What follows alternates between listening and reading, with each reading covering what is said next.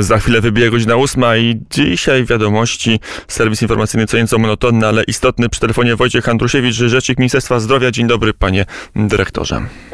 Witam pana redaktora, witam wszystkich radiosłuchaczy. Jak wygląda sytuacja e, służby zdrowia e, w Polsce? Mówi się, że w niektórych miastach, np. w Krakowie, zostało tylko kilka wolnych respiratorów dla e, covidowców, a odczyty codziennych raportów Ministerstwa Zdrowia to do liczby zakażeń są coraz bardziej zatrważające. Zbliżamy się do 20 tysięcy zakażeń dziennie.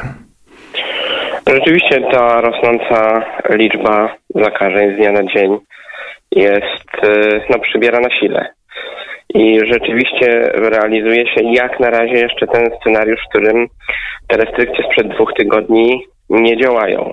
Natomiast te restrykcje, które wprowadziliśmy w minioną sobotę, zadziałają dopiero, dopiero w przyszłym tygodniu. Trzeba podkreślić, że te restrykcje z minionej soboty są, można powiedzieć, już takimi najbardziej daleko idącymi, więc one powinny przynieść jakąś e, spektakularną e, zmianę w tym zakresie.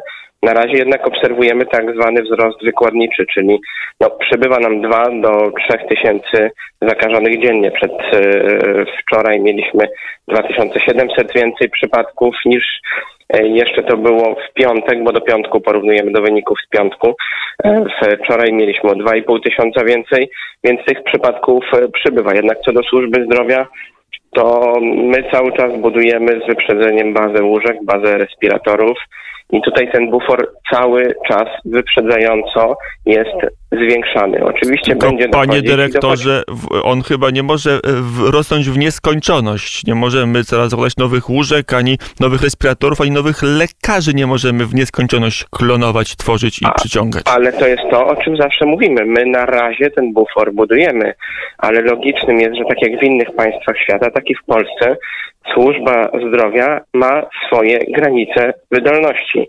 Nikt nie mówi, że w nieskończoność możemy zwiększać liczbę łóżek, e, zwiększać liczbę respiratorów, a nawet gdybyśmy mogli zwiększać liczbę łóżek i zwiększać liczbę respiratorów w nieskończoność, to nie zwiększymy liczby lekarzy.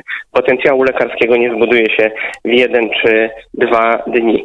Więc na pewno w nieskończoność tej granicy przesuwać nie możemy. Więc jeżeli będziemy widzieć, że te restrykcje wprowadzane nie przynoszą spodziewanego rezultatu wyhamowania, ja nie mówię zatrzymania, ale wyhamowania rosnącej fali epidemii, trzeba będzie podejmować bardziej drastyczne decyzje, ale tu też zwracam uwagę na to, o czym pan redaktor mówi. To nie jest tak, że w szpitalach, w poszczególnych szpitalach nie zabraknie miejsc. Ich brakuje w poszczególnych szpitalach. Naszym celem jest e, kontrolowanie sytuacji w ten sposób, żeby na terenie każdego województwa nadal pozostawały wolne miejsca.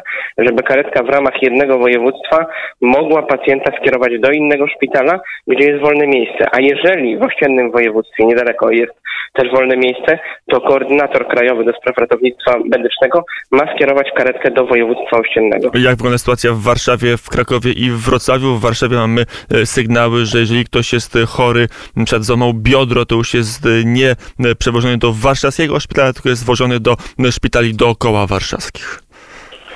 Ale to jest to, o czym cały czas mówię. No, poszczególne szpitale muszą przejmować rolę szpitali, które stają się szpitalami stricte covidowymi.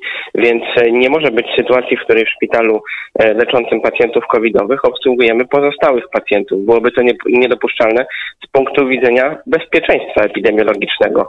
Więc jeżeli poszczególne szpitale w Warszawie, gdzie dotychczas byli obsługiwani pacjenci, przekształciły się w szpitale covidowe, to celem zespołu ratownictwa medycznego jest przewiezienie pacjenta z innymi z objawami do najbliższego szpitala. To wcale nie musi być szpital w Warszawie. Ważne, żeby ten pacjent do szpitala trafił. E, kwestia protestów, bo e, pan dyrektor zaczął od tego, że mamy e, poważne restrykcje. Chodząc po ulicach Warszawy, Krakowa, Wrocławia i innych miast, naprawdę nie widać, jakby jako, jak, jakakolwiek pandemia w Polsce panowała.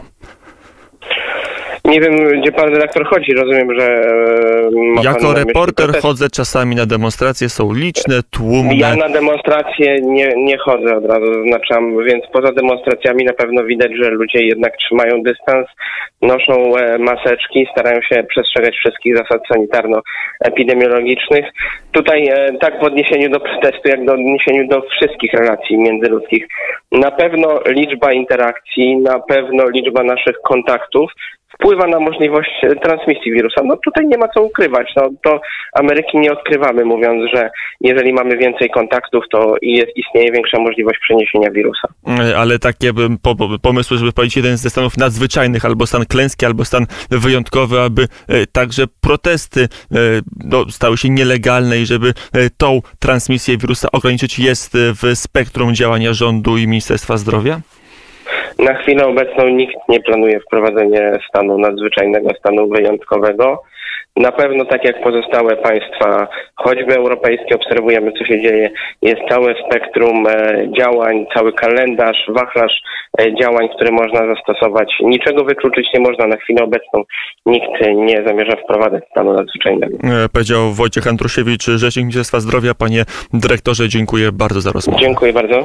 Do usłyszenia. To był fragment serwisu informacyjnego. Ciekawy jestem, czy gdzieś tam po drugiej stronie z pozostałymi informacjami czeka Jaśmina Nowak.